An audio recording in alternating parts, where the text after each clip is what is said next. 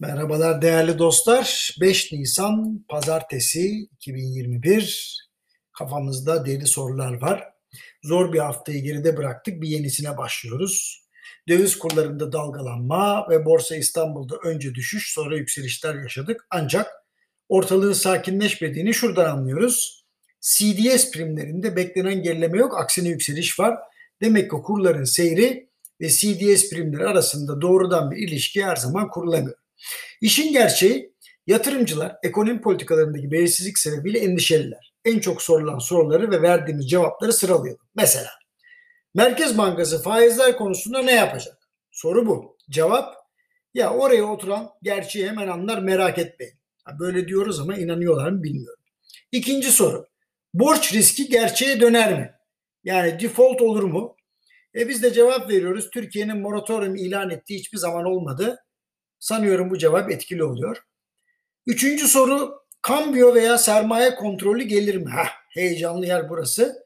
Biz de diyoruz ki buna gerek yok. Ee, bunu konuşmanın da bir mantığı yok. Sessiz kalıyorlar genellikle biz böyle dediğimiz zaman.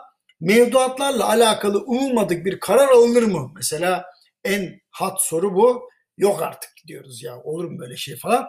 Verdiğimiz tepkiden dolayı bir şey söylemiyorlar. Servet vergisi gelir mi? Mesela bu yeni soru. Ya zaten dolaylı vergiler yeterince yüksek diyoruz ama pek inandırıcı gelmiyor. Şimdi elbette bu soruların çoğu anlamsız ama yine de soruluyor.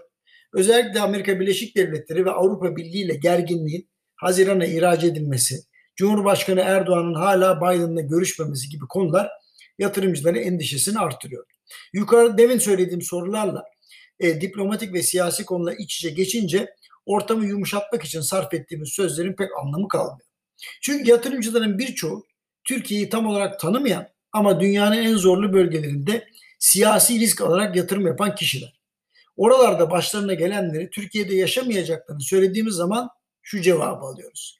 Oralarda da böyle deniyordu. Tabi bu cevabı alınca susuyoruz. Yapacak bir şey yok. Açıkçası içeride sorumlulara gerçeği söylemek için çırpınırken dışarıda da işlerin iyi tarafını anlatmaya çalışırken zorlanıyoruz.